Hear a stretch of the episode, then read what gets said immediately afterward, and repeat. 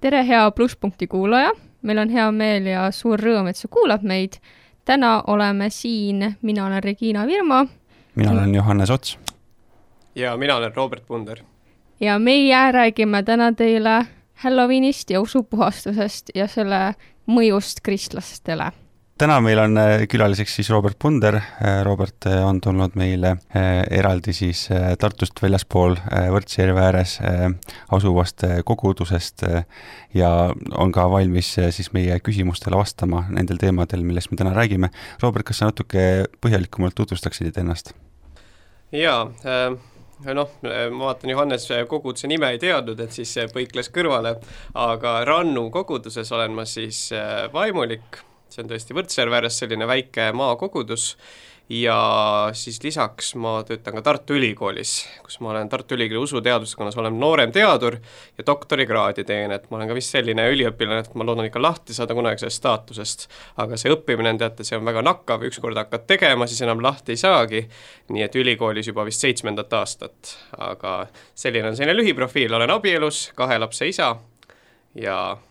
loodan Jumala abiga teha seda, mis mulle on antud. täna siis vastata küsimustele, nagu öeldi. Et äh, ja ma loodan, et ei ole liiga keerulised küsimused, aga eks tuleb kõigeks valmis olla jah, äh, enda vabanduseks on öelda, et ma kogu aeg olen äh, tutvustanud Robertit kui Rannu koguduse õpetajat, aga seekord tõesti ei tulnud meelde, mis selle koguduse nimi oli. nii, aga kas lähme siis saatega edasi, et võtame siis esimesed küsimused? jaa, kuna kolmekümne esimene oktoober seostatakse pigem Halloweeniga, siis aga meie võiks rääkida usupuhastusest, kuna see on kiriklik, äh, ma arvan siis äh, lähtepunkt, mitte Halloween, vaid pigem usupuhastus, et kust see üldse alguse sai või miks see oluline on kristluse jaoks? jaa, äh, noh, usupuhastuspüha, see kolmkümmend üks oktoober on selline teatud määral võib-olla kokkuleppeline, aga legend siis ei ole päris kindel, kas see nii päris juhtus, aga, aga selline legend või rahvajutt kõneleb siis seda, et kolmekümne esimesel oktoobril aastal tuhat viissada seitseteist selline saksa munk nagu Martin Luther siis äh, haamriga lõi üheksakümmend viis teesi Saksamaal Wittenbergi loss, lossi kiriku uksele. Need teesid olid mõeldud selliseks nagu aruteluks kiriku üle, et mis on kirikus õigesti, mis on valesti, aga sellest haamrilöökidest hakkas väga suur protsess, mille tulemusena on siis tegelikult alguse saanud kõik protestantlikud kirikud, et olgu siis need luterlased, baptistid, nelipühilased, anglikanid, kõik nad mingil viisil on alguse saanud just nendest haamrilöökidest, kolmekümne esimesel oktoobril tuhat viissada seitseteist et eh, sealt sai nii-öelda siis see usupuhastuse protsess alguse, et sellepärast on ta nagu oluline, et ta on selline kokkuleppeline koht, et millest sai alguse midagi, mis nagu muutis väga palju kristlust, eriti Euroopas, hiljem ka mujal maailmas, ja mis tänapäevani on nagu, mõjutab väga suurelt aga mis need teesid on, võib-olla mõni ei tea, et mis asi on tees mm? -hmm. jaa, noh, olid, Martin Luther oli, oli ülikoolis professor nii et need teesid, põhimõtteliselt oli see umbes nagu eh, tänapäeval tweet, et Twitterisse paned tweet'i ja paned midagi hästi sellist provokatiivset lühilausega, teesid olid samamoodi üks, kaks, kolm, eks ju, ja siis kõik reageerivad, teate küll, lähevad möllu täis, kui keegi paneb eh, hulle tweet'e, aga põhimõtteliselt see nii oligi, et need olid sellised nagu laused, need teesid, mis olidki mõeldud aruteluks, algus nagu akadeemilises kogukonnas ülikoolis, aga tegelikult nagu laiemalt. et aga mis nad nagu täpselt olid, mida Luter nagu kritiseeris, et ta kritiseeris tollast katoliku kirikut teatud praktikaid, et kiriku korrumpeerumist ja eelkõige siis see tüliküsimus nende teeside ajal oli indulgentsides ehk patukustutuskirjades, et nimelt eh, tollal oli oli selline mood, et müüdi siis selliseid patukustuskirju, mille inimene ostis ja, ja siis ta sai hüvitada nagu oma patud, mis ta oli teinud, aga sai osta neid ka teiste eest, näiteks kui sul onu oli ära surnud, ostsid tema eest, eks ju, indulgentsi ja siis vastal seal teisel pool oli kergem. ja Luterile oli see nagu vastumeelt, kuidas nende indulgentsidega tollal toimetati, et justkui jumala armu müüdi tegelikult raha eest okei okay,, ja kuidas on see usupuhastus üldse kirikut läbi aegade mõjutanud, näiteks kui noh, tuhat viissada seitseteist algas see pihta, no me oleme juba kahekümne esimesel sajandil, et kas läbi aegade on see kuidagi muutunud või kuidas see on muutunud mm? -hmm. jaa, ma arvan, et see usupuhastus ei ole mitte midagi muud kui üks selline äratusliikumine nagu ja neid on olnud erinevaid kiriku, eks ju, loos. me teame, Eestiski on väga erinevaid selliseid usulisi nagu äratusliikumisi olnud ja äratusliikumiste alati eesmärk on minna nagu tagasi või sügavamale või millegi juurde, mis on see kõige nagu tähtsam. et leida üles jälle, mis on see evangeelium, eks ju, kes on Jeesus, mida Jumal tegi läbi, läbi Kristuse. et, et see on, ma arvan, usupuhastuse jaoks ja Luteri jaoks see kõige esmane eesmärk, et ta tundis, et kaduma on läinud tegelikult see Kristuse tuum või see, mis on kõige olulisem ja tagasi tulla selle juurde. ja ma arvan, et see ongi see, mis iseloomustab sellist usupuhastuslikku arengut või edaspidi ka, et sest kogu aeg on meil kristlastena kirikuna oht, et me läheme ikkagi kaduma, kas me hakkame tegelema millegi hoopis sekundaarse ehk nagu mingi teisejärgulisega või me üldse nagu hakkame siin maailmaga, maailmas mingeid asju tegema, aga et me kogu aeg nagu mõtleks selle peale, mis on nagu meie eesmärk kristlastena, mis on koguduse eesmärk ja mis on evangeelium. et see on, ma arvan, see tuum, mille peale noh, mis on ka usupuhastuse siis mõte miks oli just Martin Luther see, kes tegi selle usupuhastusliikumise või algatas vähemalt, vähemalt oli üks selline nagu eestvedajatest, et miks just Martin Luther see oli? jaa, no tegelikult oli eelkäijad enne juba olnud, et kes kirikus nagu märkasid mingeid muresid ja noh, juhtisid neile tähelepanu no miks Luter, no seda on raske öelda, miks mõni inimene saab ajaloos järsku väga kuulsaks, noh, Luter ilmselt ei tahtnud saada, aga Luteri kohta võib-olla tema isiksuse kohta, et ta oli selline noh, teatud mõttes nagu kõva mees, ta oli selline räuskaja natuke, ta ütles päris karmilt, tal oli suhteliselt selline karm kõnepruuk. Ja mulle hästi meeldib, et noh, tegelikult siis Saksamaal, kus Luteri usupuhastus toimus, lõpuks oli nagu kaks sellist nagu tähtsat teoloogi, kes seda asja. Hästi vedas, oli Luter ja siis oli Philipp Melanchthon Luter oli selline ikkagi pühaks, lihtsalt tulistas põmm-põmm-põmm, eks ju, aga Melanchthon oli selline rahulik, äkki me päris nii karmilt ei ütleks, ma olen sinuga põhimõtteliselt nõus. ja ma olen mõelnud, et igas nagu liikumises ja kirikus ja koguduses on vaja nagu see, et oleks see üks vend, kes nagu paneb põmm-põmm-põmm, eks ju, kes, et ja siis teine vend, kes on natuke diplomaatilisem. et ja võib-olla see on alati ka väljakutse, et kuidas need kaks nagu tüüpi koos hoida et tegelikult aga koos, ma arvan, kannab see töö kõige rohkem vilja. aga ma arvan, et, et Luteri puhul, et see on ilmselt nagu jumala sõrm ja jumala käsi mängus, et et ta üldse tegelikult ellu jäi, sest alguses teda ikka jahiti kõige nende asjade pärast, aga aga tema ideed võib-olla ikkagi ja see, kuidas ta kirjutas ja mõtles, see nagu noh, selles mõttes peegeldus inimestelt või paljud mõtlesid nii, aga keegi ütles välja. tihti on nii seltskonnas ka, et paljud mõtlevad mingit ühte asja, kes üks vend ütleb välja, see on ma mõtlen täpselt samamoodi. et ja, ja temaga oli võib-olla see õnn, et talle tuli taha lõpuks ikkagi selline ka poliitiline ladvik, et, et need mingid nagu riigid ja riigijuhid, kes nägid, et noh, see kes võib-olla ei olnud rahul sellise katoliikliku elu ja riigikorraldusega, et et see oli ka tema selline, ütleme, õnn, aga aga lõpuks see on jah, täpselt, see on suur küsimus ajaloos, miks mingid inimesed saavad kuulsaks ja teised, kes võib-olla samu asju mõtlevad, isegi ütlevad, ei saa. aga, aga küllap see on ikkagi jumala käsi mul on nüüd veidi provokatiivne küsimus võib-olla, aga miks alles kuueteistkümnendal sajandil otsustati reformatsiooni? no ise ütlesid ka, et tegelikult on seda juba noh, varem üritati ka, aga miks just Martin Luther või mida tema erilist siis tegi, et siis see nagu hakkas peale minema inimestele mm.?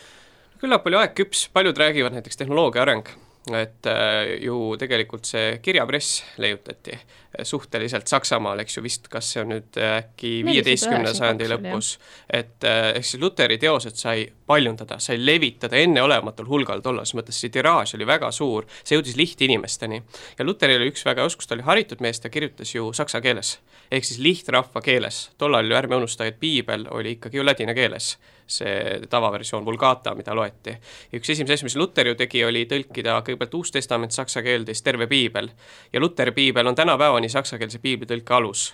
nii et äh, võib-olla nagu need on ka veel mõned mõtted siia juurde, aga tegelikult neid reformaatoreid enne oli aga see on nüüd hästi hea küsimus, ongi see, et noh, Luter oma siis äh, nii-öelda poolehoidjatega lõpuks ikkagi sattus väljapoole katoliku kirikut. aga paljud need reformaatorid olid enne nagu kiriku sees tegutsenud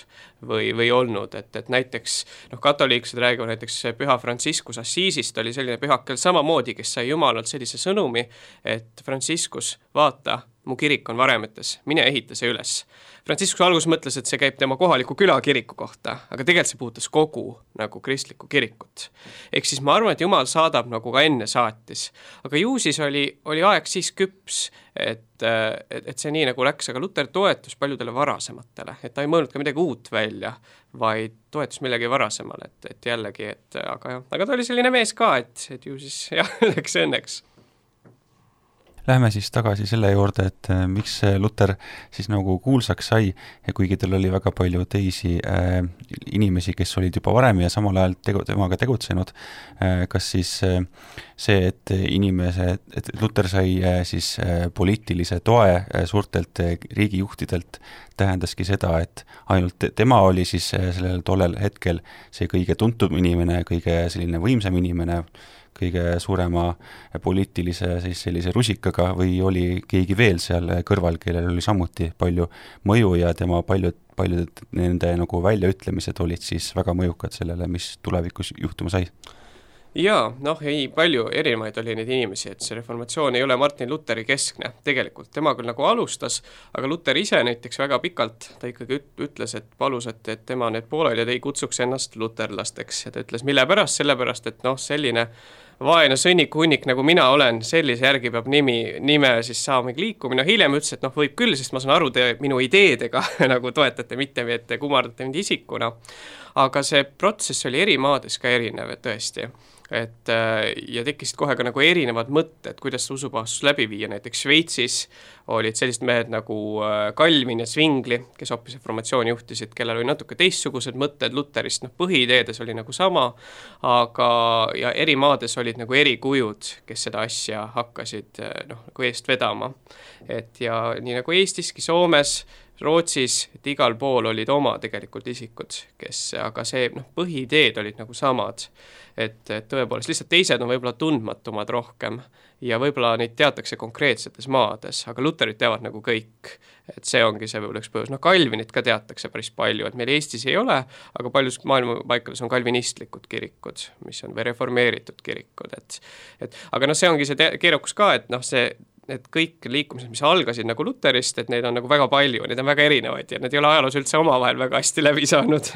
Et, et see teeb nagu asja keeruliseks, sellepärast võib-olla lihtne rääkida Luterist kui alustajast. Ja kindlasti ta oli nagu mingil määral selline revolutsiooniline, just seesama, et tema teosed, et need siiamaani loetakse, jõudnud nagu tohutute ini-, inimhulkadeni, trükitakse, tõlgitakse ikka veel. et ju siis ta ütles midagi, mis noh, milles peitub mingisugune väga oluline tõde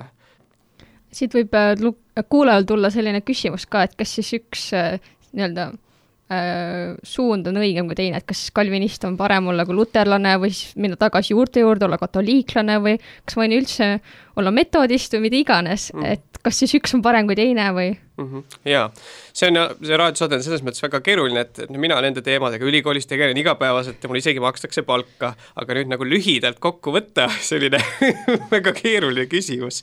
aga ma ütleks niimoodi, et see oleneb natuke, kuidas me üldse mõistame mis on õige ja mis on see kirik. no Luter ise ütles seda, et kirik ehk jumala rahvas on igal pool, kus jumala sõna kuulutatakse õigesti ja puhtalt ja kus siis sakramente jagatakse, kristitakse ja armulauda, eks ju, pühitsetakse või, või issand söömaaega. ehk siis tema nagu selles mõttes oli põhimõtteliselt olid algusest peale väga oikumeenilise mõttelaadiga, ta küll kritiseeris mingeid voole, aga tema arusaam kirikust oli see, et kirik ei ole seal, kus on luterlast, kirik on seal, kus jumala sõna kuulutatakse, kus sakrament jagatakse, ehk siis jumal sünnitab seda usku, seda tõelist usku igal pool, kus,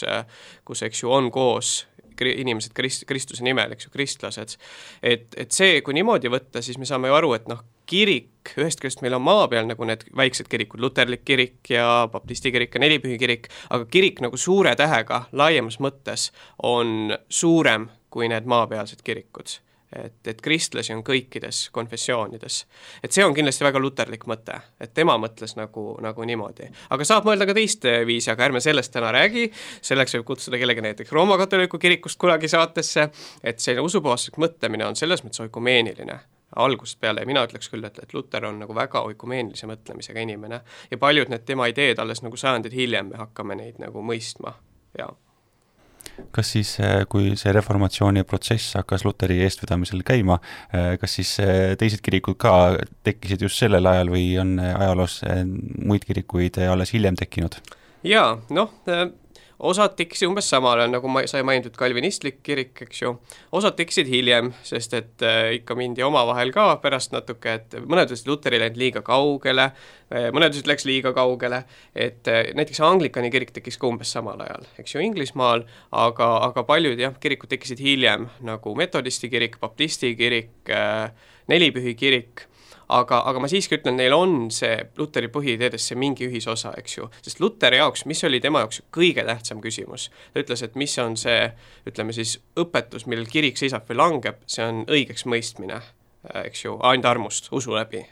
ja, ja kõik üldiselt protestantkirikud siis jagavad seda, tegelikult ka enamus, ma arvan, katoliiklasi jagab seda, aga ta tõi selle nagu keskmesse jälle. Ja sellepärast me kutsumegi tihti, eks ju, evangeelne teoloogia või, või evangeelne kirik, meil on, eks ju, Eestis ka. Evangeeliumi kristlased, baptistid, evangeelne luterlik kirik, et see evangeelium on seal nagu keskmes. et aga ühesõnaga, nad tekkisid hiljem, päris mitmed sellised liikumised. Ja alati ei ole ju need äh, erinevused ja vastuolud liikumiste kirikute vahel nii suured, mõnikord on see ainult korra küsimus näiteks, et ühel on selline selline kord ja teisel teistsugune kord, et noh, näiteks metodism tekkis ka ju algselt Anglikani kiriku sees oleva äratusliikumisena, aga hiljem ta nagu arenes iseseisvaks liikumiseks. aga tekib küsimus, kui palju neid sisulisi vastuolusid on, tihti ei olegi. et, et jah, just kas usupuhastus või reformatsioon toimub ka tänapäeval või kas see võiks toimuda ka tänapäeval, kui vaadata nüüdisaega mm? -hmm. jaa, kindlasti. Me vajame alati, usku tuleb puhastada, alati see kipub äh, mustaks minema, aga, aga seal on nagu oluline ka see, et me saaksime tõesti aru, et Luteri jaoks oli see, et, et lähme nagu selles mõttes tagasi juurte juurde. Või tagasi selle juurde, mis on see alus, et et lihtsalt on tekkinud võib-olla selliseid valesid arusaamu usupuhastusest, vahel armastatakse öelda äh,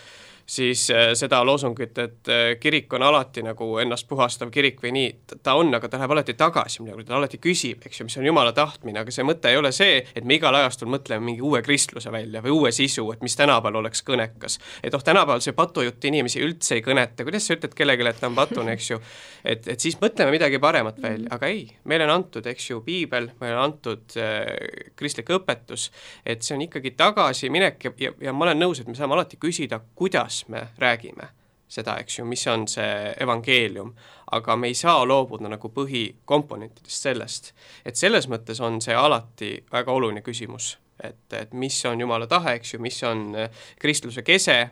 Ja, ja selles osas kindlasti usupuhastus toimub jätkuvalt, aga me peame aru saama, mis on usupuhastus, eks ju, et see ei ole millegi uue loomine, see on tagasiminemine millegi vana juurde, mis on kaduma läinud Robert,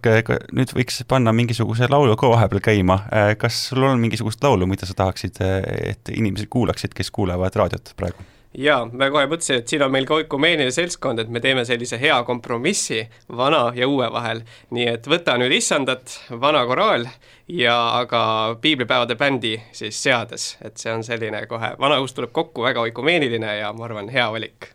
see on tõesti hea valik, kuulame siis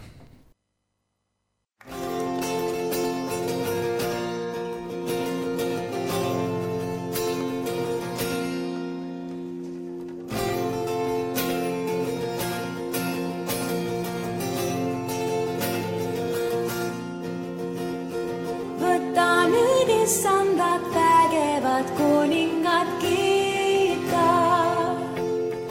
oh minu hinge, tee ära sa aega nüüd viida. rõõmustame, hõisates laula mu keel, kandleid ja vasu.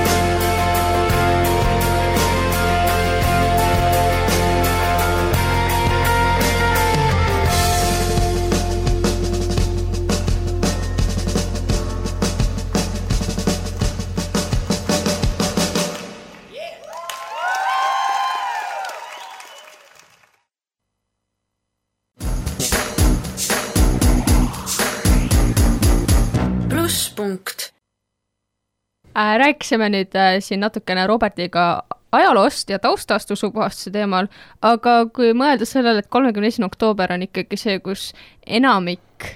USA-lasi, ma arvan, et ka Eestisse on juba see liikumine jõudnud, et Halloweeni tähistada, siis mis see Halloween on üldse või kust see nimi tuleb ja mida see tähendab mm? -hmm, jaa no mulle tundub Eestis muidugi, et see on vist laste ja noorte seas saanud nagu popiks, et ma täiskasvanud väga palju ei tea, kes Halloweeni tähistavad. kuigi on, et need kõrvitsad ikka näed mingite majade juures. aga jah, Ameerikas see on nagu kuulus püha. aga mis see tähendab, see sõna Halloween tuleb tegelikult All Hallows Eve, ehk see on kõigi pühakute päeva eelõhtu et tegelikult on see katoliiklikust siis kirikukalendrist pärit äh, püha, mis on saanud popkultuuris nagu noh, teistsuguse värvingu ja, ja tähenduse. et, et sealt see tuleb, noh, ma arvan, et enamikele, vähemalt nooremate kuulajatele on see Halloween üldiselt tuttav, et komm ja pomm ja on kuskilt telekast, kuskilt ikka nagu näinud, et ta on küllap sellise Ameerika kultuuri siis selline jõudmine ka, ka meie konteksti. okei okay,, aga no ütleme, et väga paljud tähistavad seda ja nad võib-olla mõtlevad, et sellel pole mingisugust tähendust või see on lihtsalt mhm. tühine, ma lihtsalt panen endale mingid sarved pähe või lähen käin, küsingi komm või pomm, pomm ja olen siis nii-öelda lihtsalt lähen kaasa sellega, mida teised teevad, aga miks kristlased ei peaks tähistama Halloweeni või mis sellega kaasas käib, et tihti öeldakse ka, et ärge tähistage seda mm. -hmm. jaa, ma muidugi näen, et see on mingi teema, mis tekitab ka nagu eriarvamusi kristlaste seas, aga ma olen nagu päri sellega, et, et probleem on lihtsalt selles, et ega Eestis kõike sellist esoteerilist ja sellist on tegelikult väga palju. ja, ja see Halloween võib sinna hulka sattuda, et me ei teadvusta seda, et seal on mingid vaimsed teemad, eks ju, mängus. et, et samamoodi see igasugune vaimude kutsumine ja kõik, et ma arvan, et see on väga populaarne, eriti noorte seas. aga see, mis ta, see mõjutab inimesi, kui sa üritad ikka kuradi või kellegi kontakti seal saada, et sellel on ikkagi väga suured mõjud, see on väga ohtlik asi. et selles osas ma olen nagu noh, hästi nõus ja päri, et seda teemat tuleks teadvustada ja noh, kui räägitakse, et oh, meil on vaimse tervise probleemid ja need ja need, noh, ma arvan, väga paljud neist on seotud selliste asjadega tegelikult ka, et inimesed on tegelenud millegi sellisega ja siis noh, midagi ei öelda, mingi onuke käib, eks ju, sul öösel toas ja koputab seal. et, et noh, tegelikult see on tõsine asi, et inimene räägib, ma olen ise kuulnud, noh, kui keegi, keegi räägib või noh, vaimulikult ikka tullakse, et meile tundub, kui ise nagu ei puutu kokku, võib-olla naljakas, aga kui ise mõelda, et sul võõras onu käib iga õhtu toas, sa ei saa magama jääda, eks ju, ja nii, noh, see on tegelikult väga karm, karm asi. et, et selle poole pealt ma arvan, on hästi oluline teadvustada nagu, nagu seda, seda külge. et, et seal jah, noh, võib-olla need, kellel on rohkem kogemusi, need nagu rohkem oskavad teadvustada, aga paljud ei tea seda aga siis tekibki küsimus, et kui ma lähen lihtsalt kuhugi Halloweeni peole, keegi sõber kutsub mind kohale äh,, mitte mingisugust loitsimist ega mingit sellist vaimude väljatoomist ei toimu, kas see on siis kuidagi vastuolus sellega, millesse meie usume? -hmm. ma arvan, et sellisel juhul ei ole et tegelikult ju Paulus juba räägib sellest, et kui sind kutsutakse ikka peole eh, Korintuse kirjas, et ja seal on see ebajumalatele, eks ju, ohverdatud liha, noh, aga muidugi ta ütlebki, et kellel on nagu südamelis see probleem, ära mine kui sa tõesti tunned ja ma tõesti selles mõttes ka arvan, et vaata inimesed, kes on tulnud välja sellistest nagu vaimude maailmast ja kelles on nagu ülitundlikud selle suhtes, et ma arvan, et kui sa tunned, et su südames, et noh, see ei ole õige, siis äh, ei tasuks minna aga kui sa lähed sinna, et noh, olla kristlasena kohal ja sa ei osale mingisuguses loitsis milleski, siis ma arvan, et sa võid minna, sest tegelikult ju on ju oluline, et kristlane oleks kohal seal, keegi, kes nendega räägib või keegi, kes nagu seletab seda asja, et et aga ma arvan, et see on jälle, see ongi see, kus me kristlastena peame küsima enda käest, eks ju, millest me osa võtame, kui kaugele me saame minna, kuidas see meid mõjutab ja mis me saame ise teha seal kohal olles. ehk siis ma ütleks, vastaks sellele niimoodi aga kui rääkida Halloweeni nii-öelda ajaloost, siis äh, kuidas see välja on näinud või mida inimesed on teinud minevikus, kuidas see erineb praeguse ajaga, et noh, praegu on jah, need kõrvitsad ja ma ei tea, inimesed riietavad ennast kas siis mm. ingliks või teemoniks või ma ei tea, kelleks veel. Mm., et äh, kas see on olnud kogu aeg niimoodi või kuidas see traditsioon mm -hmm no meile on see näiteks võõras ju, et meil on ikkagi Kadri ja Mardi päev olnud selline mm -hmm. samalaadne, kui lapsed käivad, eks ju, aga aga meil on palju parem, meil ikkagi lapsed laulsid ja tegid midagi, Halloween'is öeldakse ainult, eks ju, komm või pomm ja anna kommi, noh et et võiks ikka nagu midagi näidata. no tegelikult ongi ju seal mõte see, et need lapsed on nii hirmsad, ütlevad komm ja pomm, et sa annad neile, nad ära läheksid. et mis noh, nagu tõsimeeli, et et jaa, no kuidas see nagu ajalooliselt näinud, ma ei tea tegelikult, ütlen ausalt, Ameerika kontekstis ja seal on nagu eri teooriad ka, mis selle algupära on on. et osad ütlevad, et see on mingi keldi paganlik püha, mis selle taga on, et see on ikkagi mingisugused paganlikud juured, traditsioonid, noh, mingi hetk ta nagu mingil määral kodunes siis sellises katoliiklikus traditsioonis ja, ja Ameerikas tõepoolest väga paljud kristlased tegelikult tähistavad seda ja, ja, ja see ei ole nagu, eks ju, noh, nii, nii, nii suur probleem. et, et selles mõttes see on nagu keeruline teema, aga minu jaoks on just ka see küsimus, et see on meile võõras. meile on Mhm. see toodud sisse ja küsimus, kuidas see mõjutab meid, kuidas see mõjutab lapsi ja, ja, ja selles mõttes on see väga oluline, aktuaalne küsimus. et just, et mina mäletan ikkagi, kui mina veel noor olin, noh, viisteist aastat tagasi, noh, me ei olnud Halloweeni, seda ei tähistatud mm, -hmm. ma nagu ei mäleta, et lapsed oleks ka seda nagu väga tähistanud, oli Kadri ja Mardi päev mm, -hmm. eks ju. et aga see on nagu tulnud kuskilt, et selles mõttes selliste asjadega on alati oluline küsida, kust see tuleb, mis selle taust on ja miks me seda teeme mm. -hmm. paljud ei küsi, minu arvates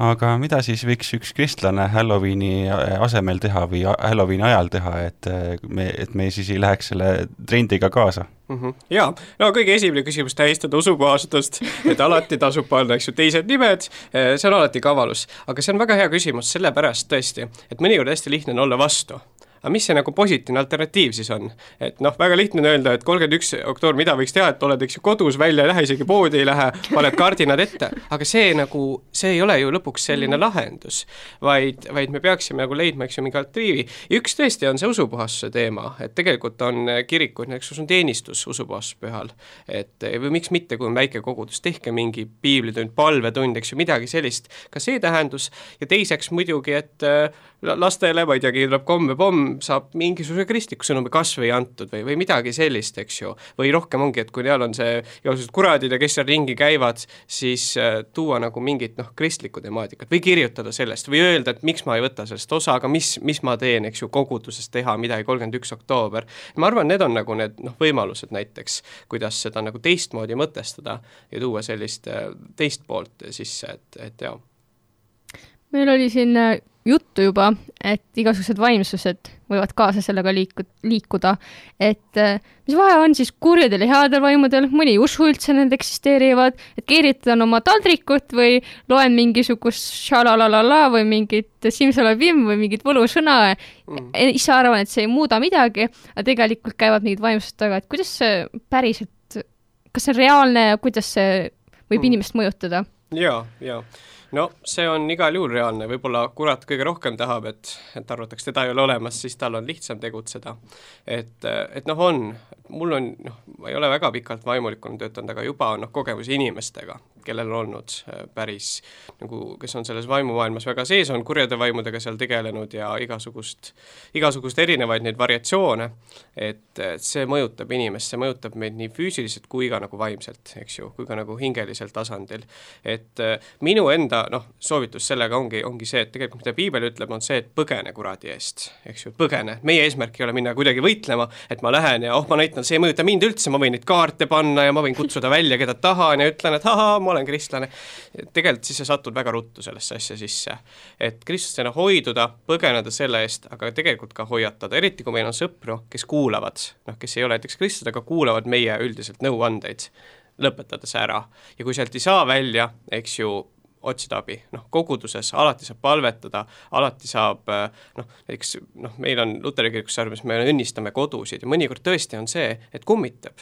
ja me käime, eks ju, me õnnistame, see õnnistamine ei ole midagi maagilist, see on palve Jumala sõna, eks ju, palve Jumala sõna. et, et, et kõik need nagu vahendid ja need võimalused on olemas, aga mina tõesti, mina ise kristlane olen võtnud selle hoiaku, et noh, kui keegi tuleb, kuulab, aga ma ise ei lähe sellega võitlema või nagu tegelema, vaid ma, eks ju, Kristus, lasen Kristusel võidelda, aga, aga need, kes juba on sees, et siis võib tõesti nagu minna vaja, no vaja nagu abi, et sealt nagu välja saada, aga ma usun, et Jumalal on see väljapääs olemas ka, ka nende jaoks, et, et jah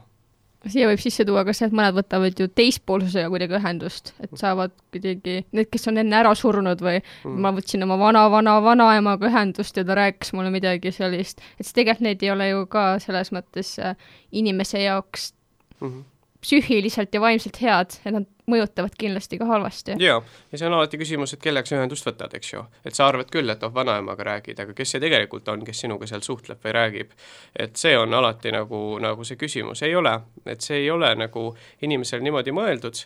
vaid noh, need, kes on lahkunud, meie usaldame Jumala hoolde, Jumala kätte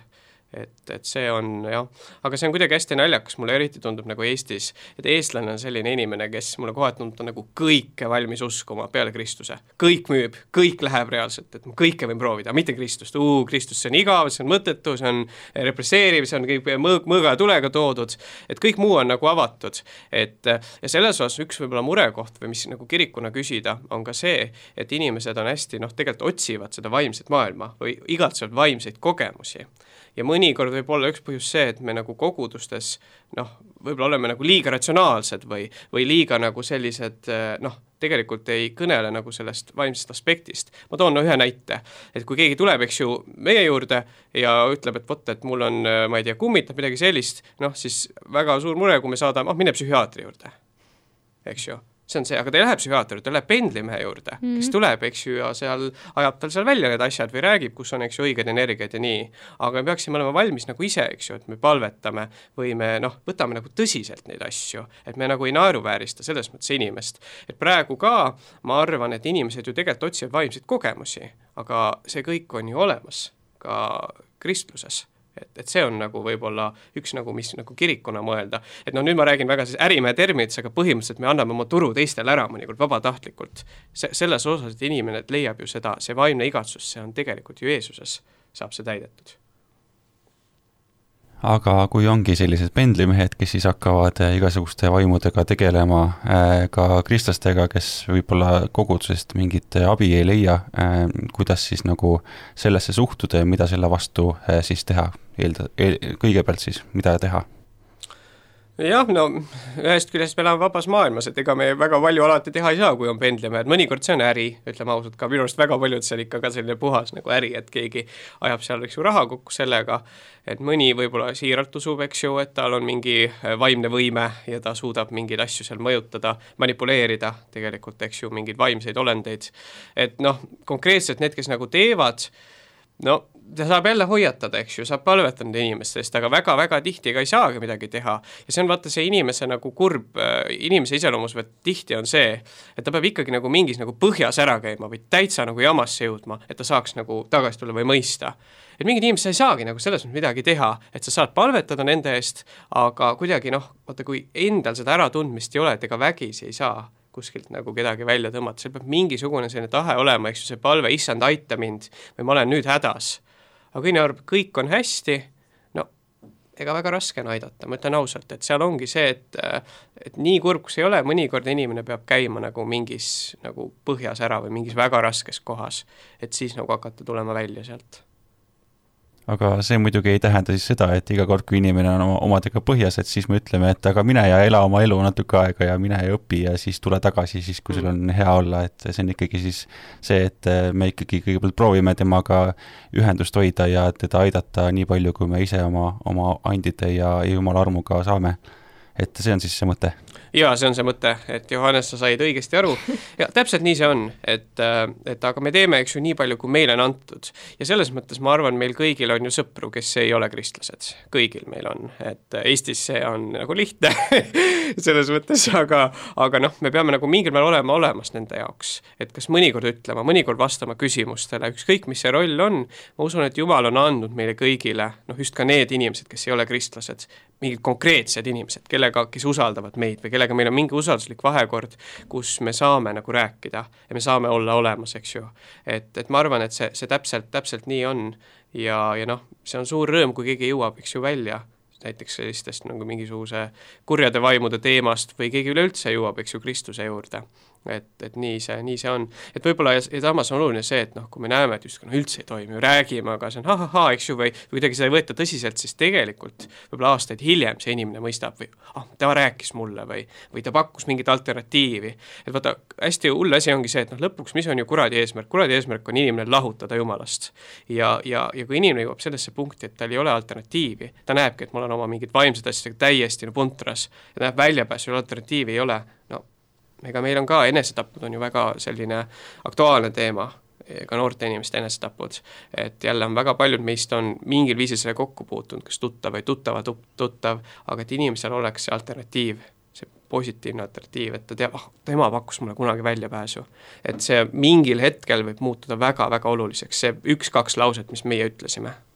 Oletame, et siin ühel kuulajal võib-olla või mõnel teil kuulajatel on äh, tutvusringkonnas või siis, ma ei tea, sõprusringkonnas inimesi, kes panevadki kaarte või tahavad, et nad äh, teevad mingeid loitse nende peale või loevad nende, ma ei tea, nägu, kätt, mida iganes, mida nad tegema peaksid või kuidas nad saavad ei öelda, sest võib-olla ta on hästi hea sõber, inimesena on ta hästi tore, hästi nii-öelda normaalne, aga kui ta läheb sinna nii-öelda vaimsusesse poolde, siis noh, kristlane saab aru, et see ei ole õige, kuidas ta peaks käituma mm? -hmm. no ikkagi konkreetselt, kui meid seotakse selliste asjadega, siis me ütleme ei et seal ei ole nagu mingit küsimust. et, et, et see on noh, ja me võime muidugi, inimene suudab kõikule ära põhjendada, et jaa, ma teen ikkagi missionit, kui ma, eks ju, lasen omale mingit, ma ei tea, osalen mingites taldriku asjades ja nii, aga sellistes asjades meil ikkagi väga konkreetselt, et meil peab olema nagu noh, piirid, kus me, sest muidu me seome ennast sellega ja see on umbes nagu see, et sa lähed uppujat päästma, et sa hüppad, eks ju, sisse ja siis mõlemad upute ära, et sellest on nagu väga vähe kasu. et sa pead ikkagi rõnga viskama inimesele. et, et, et ma arvan, et, et seal peab olema väga selge, et kui meid seotakse mingisuguse protsessiga, et kas me seal suhtleme kellegi surnuga või, või kas meile ennustatakse või midagi sellist, siis me ütleme ei et seda me ei tee ja see on kõik, aga ma olen olemas su jaoks. et ja, ja, ja selles mõttes noh, siin on, see on see kurb juhtum, et kui inimene siis ütleb, et aga kas ma ei ole mu, siis, siis sa ei ole mu sõber, me ei saa ikka osaleda, et noh, me ütleme, loodan parimat, ma tahan ikka su sõber olla, aga ma ei saa selles osa võtta. et ma arvan, et seal peab olema nagu väga selged piirid, aga samal ajal me jääme inimese jaoks nagu olema olemas, et sest noh, ma siiski arvan, et ükski inimene kakskümmend neli tundi ei pane kaarte. et ta nagu vahepeal sööb, vahepeal joob, et äkki ta siis sööb lõunat meiega koos või mm., või midagi sellist, et, et jah aga, aga kui meil, noh, küsimus selles, et kui meil ei ole nagu põhimõtteid või piire, siis mida me nagu sellele inimesele õigupoolest nagu anname või tahame anda või kuhu nagu, et, et jah siis äh, viimane küsimus selles osas veel, et äh, aga kui me siis nagu nende inimestega kokku puutume, kas mingisugune vaim või mingisugune selline negatiivne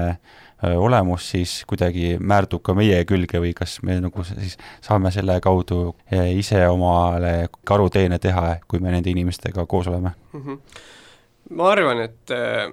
et ei, lihtsalt nagu koos olles, no siis muidugi ongi see, et me oleme bussis ka igasuguste inimestega iga päev koos ja tööl meil on igasuguseid inimesi ja koolis ja et seda kindlasti nagu ei, ei ole. Et küsimus ikkagi, kui me noh, ma arvan, et, et iga kristlane saab aru, kus on see piir, tegelikult me nagu südames tunneme, kus on see piir, kui me nagu osaleme milleski, kiidame midagi heaks ja kus on see, kui me oleme kellegagi koos ja nagu toetame teda või, või oleme talle olemas, oleme sõbraks talle, eks ju. et ma arvan, et me tunneme selle piiri ära ja kui me nagu tunneme, siis me peame astuma sammu tagasi, et kui, kui see piir on, eks ju, nagu lähedal. aga, aga ma ei usu seda, et lõpuks on meie sees ju Kristuse vaim ja püha vaim, et, et, et me ei pea nagu kartma, et nüüd me kellegagi kokku saame, et, et kuidagi nagu määrdume või, või, või midagi sellist, et, et ma arvan, et seda muret nagu iseenesest ei ole, aga noh, tõsi on see, üks nagu point siin küll on, on ikkagi see, et noh, vot vanasti või on selline vanasõna ka, et halb äh, seltskond rikub head kombed.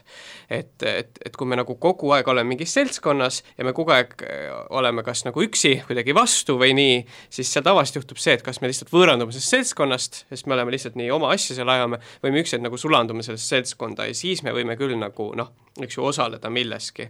ehk siis mõte on see, et meil peaks olema nagu ka mingid kristlikud seltskonnad või sellised noh, kus me, sõbrad, kus me noh, kus me nagu vaimulikult üksteist toetame. et see mõte võiks nagu küll olla, et me peaksime ikkagi mõtlema, kuidas seltskond mõjutab meie mõtteid, meie käitumist. et see on nagu üks küsimus, mida küsida. nii, aga nüüd on aeg sealmaal, et kuulata teist muusikapala.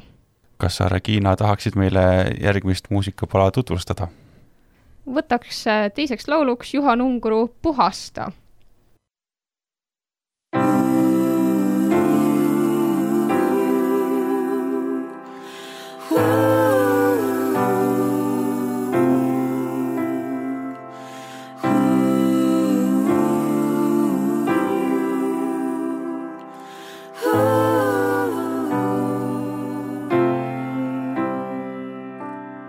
puhasta oma vaimu tulega. kogudus, mis kutsub end sinu nimega, põleta kõik ebajumalad, millega me end ümbritsenud tahes-tahtmata. õpeta meid kuulama su häält, sest sina räägid uut iga päev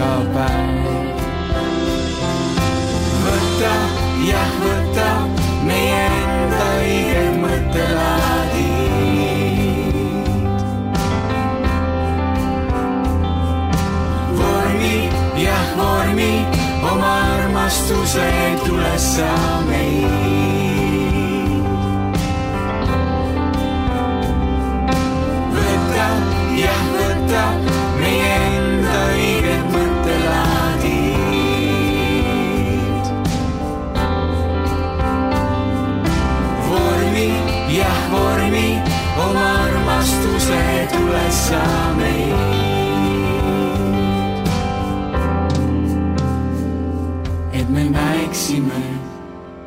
et me käiksime sinu teed. et me näeksime,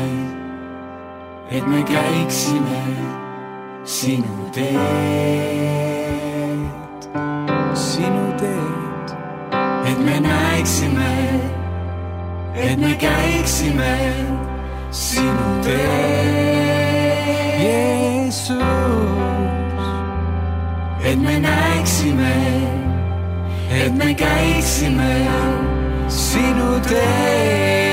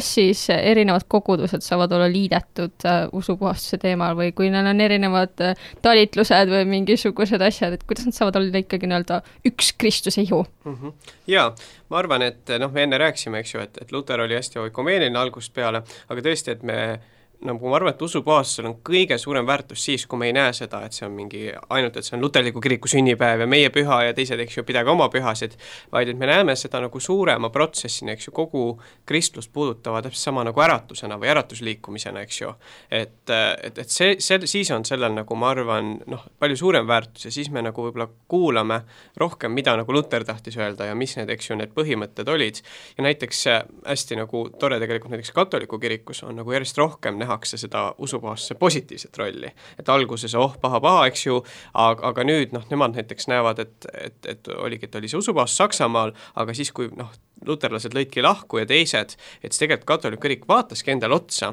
või nendel oli tegelikult toimus Trento kirik kogu kuueteistkümnendal sajandil, ehk nad vaatasid üle tegelikult oma praktika ja korrigeerisid väga paljusid asju, mida Luter kritiseeris. ehk siis noh, nende jaoks, nad ei kiida küll heaks seda, et mindi nagu katoliku kirikust ära, aga nad tegelikult vaatasid nagu kriitiliselt üle, eks ju, ka, ka selle, mida nemad õpetavad mida nad teevad. ja ma arvan, et see on nagu hästi selline positiivne näide, et kuidas me suudame noh, nagu usupuhastust näha sellises positiivses valgus kogu kristlust nagu puudutavana. ja, ja, ja see on, ma arvan, noh, kõigi koguduste jaoks selline võimalus, et, et küsida, et kui me loeme Martin Luterit, siis eesmärk ei ole, et me saame luterlasteks, vaid eesmärk on, et me nagu sügavamini mõistaksime, eks ju, mis on äh, Kristuse õpetus ja, ja mida Kristus tahab, et me teeksime. et, et see võiks olla täitsa selline pilk või perspektiiv, millega me nagu loeme neid tekste või vaatame seda usupuhastust. et ja samal ajal üks oluline asi näiteks luterlastena, noh, me armastame ikkagi rääkida Martin Luther ja usupuhastus ja siin ma seisan ja teisiti ei saa, aga et me näeksime, mis olid selle konkreetse protsessi protsessi, ajaloolise protsessi negatiivsed tagajärjed.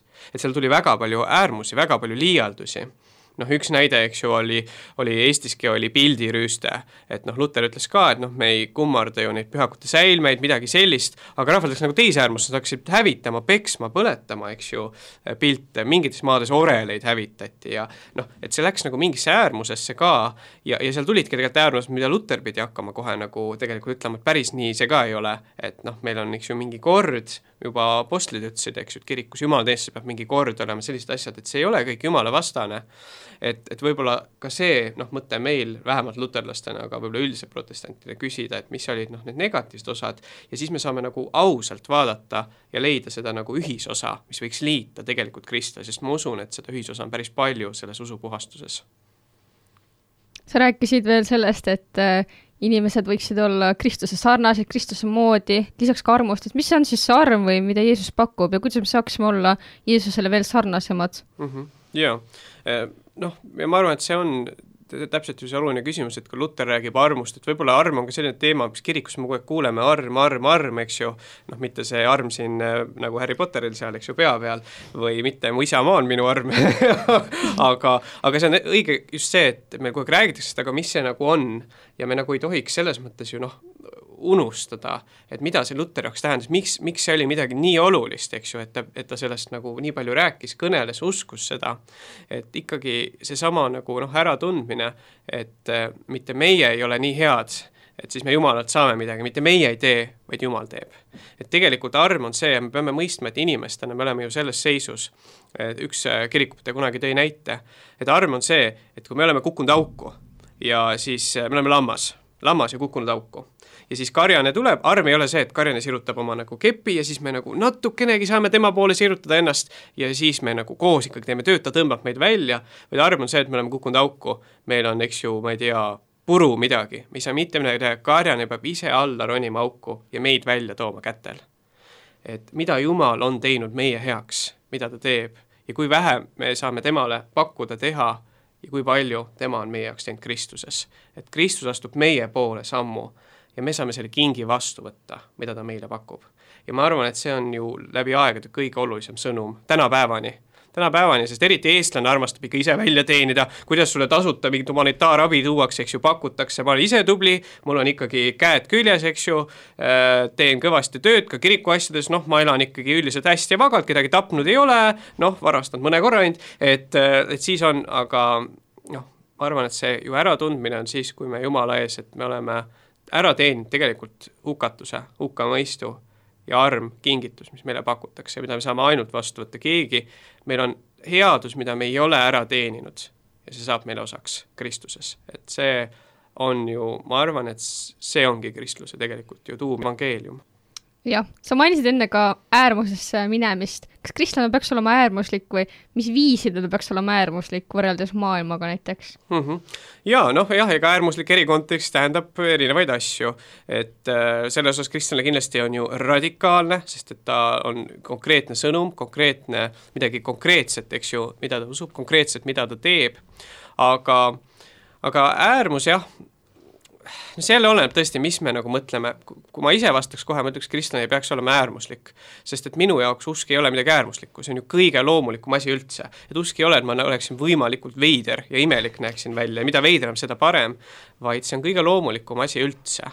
Ja, ja selles mõttes ei ole see äärmuslik, sest meie ei pinguta ju, et Kristus näeks võimalikult atraktiivne välja, vaid me lihtsalt räägime sellest, mis meile on osaks saanud, mida Kristus on teinud mitte meie. et, et meie sõnad, no tihti on ebapiisavad, tihti on, aga me peame inimesi nagu juhatama Kristuse juurde. et ja me saame rääkida sellest, mis meile on osaks äh, saanud, et, et selles osas ma arvan, me ei pea pingutama, et olla äärmuslikud, aga võib-olla hetki, kus meid peetakse äärmuslikeks lihtsalt sellepärast, kes me oleme või mis meile on osaks saanud. aga me ei pea ise otsima konflikti vaid me mhm. lihtsalt ütleme, et ma olen Kristuse poolt, ta on mulle kõige olulisem. siis, kui konfliktid tulevad, siis Jumala abiga, et ta annab meile õiged sõnad, õiged mõtted, aga me ei pea otsima neid äärmuseid.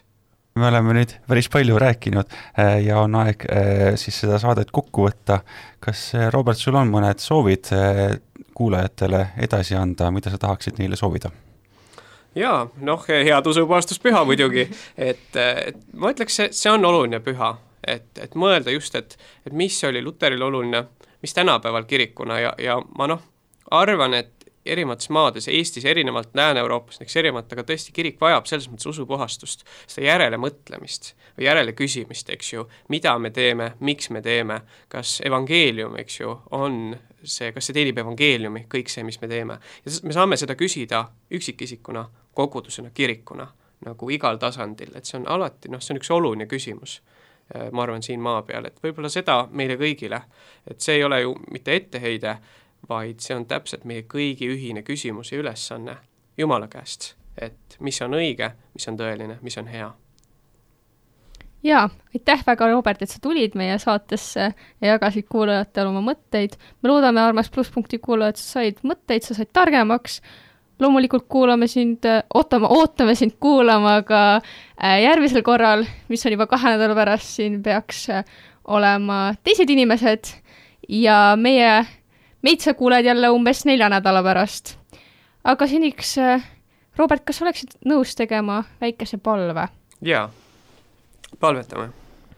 issand, me täname sind, sina oma armust kingid meile kõike. me täname, et ehkki meie ei ole ära teeninud sinu armastust ja headust, siis sa siiski pakud seda meile tasuta kingina. issand, suunaku see usupuhastuspüha, mis on täna, ka meid rohkem mõtlema sellele, mis on evangeelium, mis on sinu suur armastus meie vastu. aga Jumal, me palume sind, et keegi ei jääks ilma sellest armastust, mida sina tahad pakkuda kõigile inimestele. jõudku see hea sõnum sinust kaugemale. issand, kisu välja pimeduse ja kurjuse meelevallast kõik need, kes on sinna sattunud näita väljapääsu, näita seda teed, mis viib igavesse ellu. issand, ole meiega, saada meid siit hetkest ja edasi. aamen. aamen. aamen.